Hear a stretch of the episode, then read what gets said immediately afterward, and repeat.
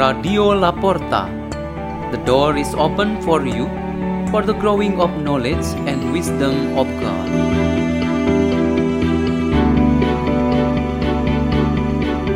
by Giovanni Rasidy from Frankfurt, Germany.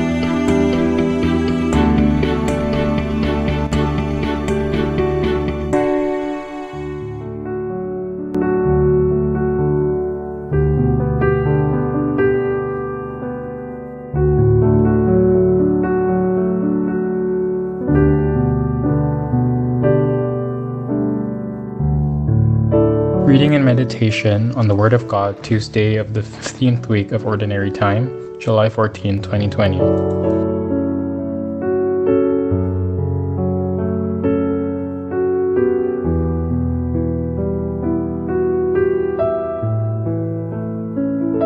The Gospel of Jesus Christ according to Matthew. Jesus began to reproach the towns where most of his mighty deeds had been done since they had not repented. Woe to you, Chorazin! Woe to you, Bethsaida! For if the mighty deeds done in your midst had been done in Tyre and Sidon, they would long ago have repented in sackcloth and ashes.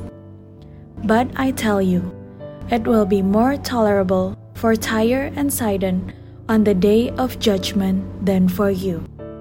And as for you, Capernaum, will you be exalted to heaven? You will go down to the netherworld.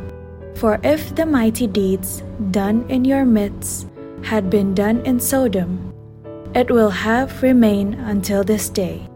But I tell you, it will be more tolerable for the land of Sodom on the day of judgment than for you. The Gospel of the Lord.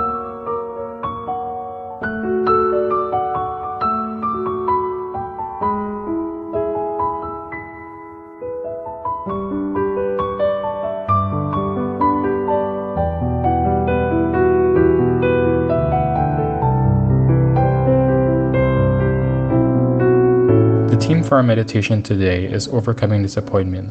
There is a teenager named Anto who wished to spend time outside school with soccer training. He enrolled at a football school near his place. But after two weeks of training, he stopped and moved to another football school. The reason was that he was very disappointed because there was no atmosphere of mutual appreciation and support for creativity. Anto has a good talent for playing soccer, but he had no support from the coach and his friends. There are many factors that cause someone disappointment, and in this meditation, we highlight the factor of no appreciation and no joyfulness for the goodness and qualities that we have. Appreciation is the same as acceptance, esteem, respect, support, and attention. One expression to represent all of these is gratitude. The grateful person is one who values high kindness and truth and who lives them out. On today's reading, we are given an example of a disappointing experience. God expressed his disappointment over Jerusalem and its rulers and inhabitants because they did not rely on God's almighty power to guard and defend them from a constant interference of other nations. They lacked faith in God and were overcome by fear and were about to run from the threat of the enemies. Jesus Christ was disappointed with the cities that had received teachings and blessings from him, but then they had no intention to repent from their sinful lives. Along with that disappointment, Jesus affirmed that the punishment was already prepared for them at the time of the Last Judgment. Our disappointment through no appreciation and no gratitude is manifested in our anger and our warnings of strong resistance. There is nothing wrong about this. What is important is that whatever action of disappointment, it really aims to awaken, to remind, and to bring people back to be grateful and appreciative. We always have such ways as such as brotherly correction or a manner of protest, like what the teenager Anto has made, because we want to transform the atmosphere of living together from fear to comfort or from unwelcoming to welcoming. Then what are the things to be avoided when we have disappointment? What we need to avoid is such disappointment that leads someone to take revenge, to arrange evil plans, or to create conflict and war.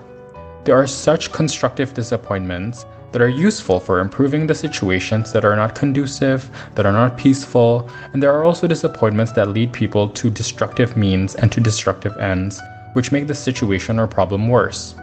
If we always use our constructive disappointments, we mean to contribute and improve and to renew our lives. Let's pray. In the name of the Father, and of the Son, and the Holy Spirit, Amen.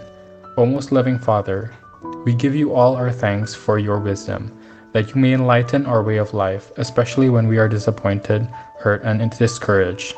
Hail Mary, full of grace, the Lord is with thee. Blessed art thou amongst women, and blessed is the fruit of your womb, Jesus.